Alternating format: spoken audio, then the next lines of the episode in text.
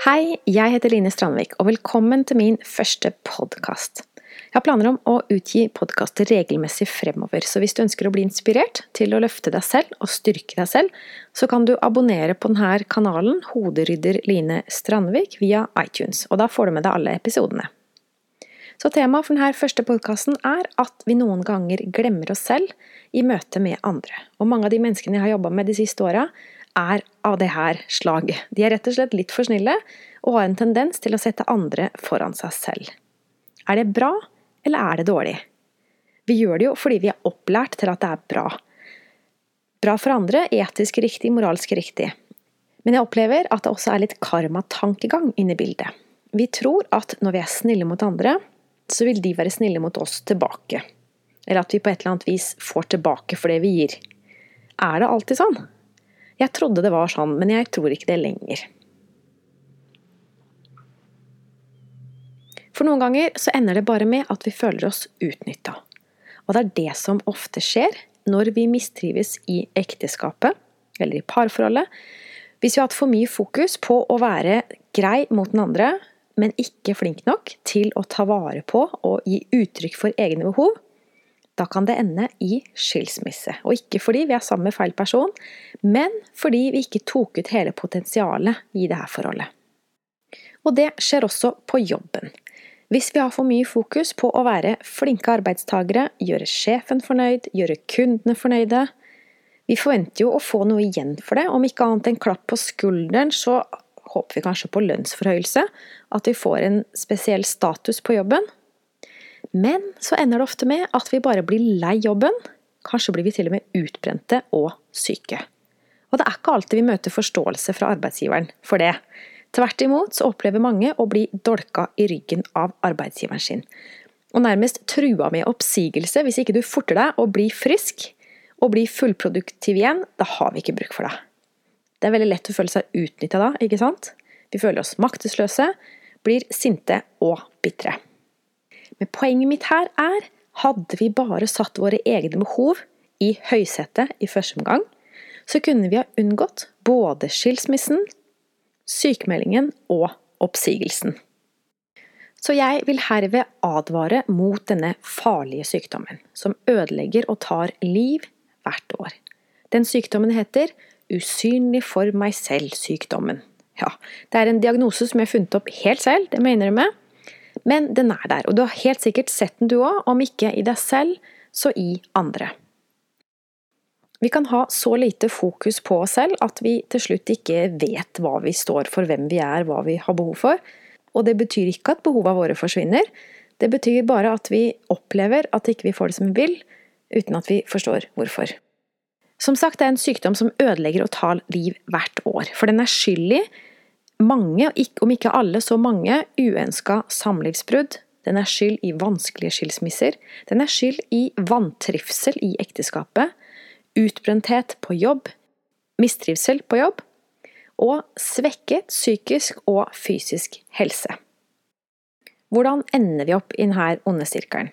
Hvorfor er vi strengere mot oss selv enn mot andre ofte? Det er egentlig ikke så interessant hvordan vi havner her. Vi trenger ikke å analysere barndommen og sånt for å komme ut av denne onde sirkelen. Vi trenger bare å bli bevisst om at vi er inne i en ond sirkel. Så bevissthet, det er nøkkelen. Så vi gjør det fordi vi tror at andre vil tjene på det, og fordi vi tror at vi selv vil tjene på det. Karmaloven, ikke sant?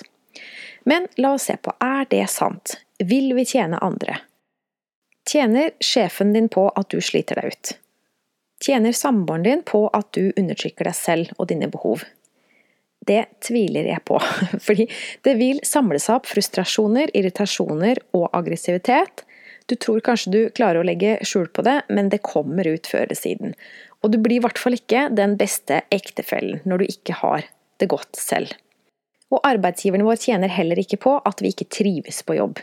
Det beste for samfunnet er jo at vi har en jobb vi elsker, for da gir vi mest mulig til andre mennesker, og da får vi også lønn som fortjent. Da får vi også noe tilbake for det.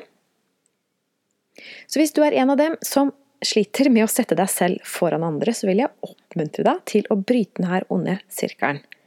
Hvordan gjør du egentlig det? Vel, du må øve deg på å se og ivareta dine egne behov. Øve deg på å si nei til andre og ja til deg selv. Så vi må huske på at vi er jo like viktige som andre. Det er ingen som er viktigere enn andre mennesker. Du er like viktig som ethvert annet menneske. Og du kan ikke stole på at andre tar vare på deg, for de kjenner deg ikke like godt som du kjenner deg selv. Så du må fortelle, vi må fortelle andre mennesker hva vi vil ha av dem, ellers så vet de ikke hva de kan gi oss. Når vi skal snu et sånt mønster, så er det en del problemer vi støter inn i. For det første så kan vi føle at det er litt vemmelig å sette seg selv først. Vi er ikke helt vant til det.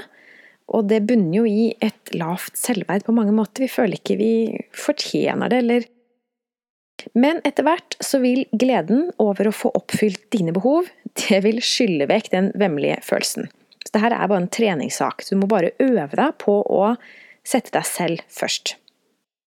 Det andre tingen som kan stoppe deg, er at du ikke helt vet hva du egentlig trenger. Hvis vi har levd et helt liv med å sette andre foran oss selv, så har vi egentlig bare glemt det.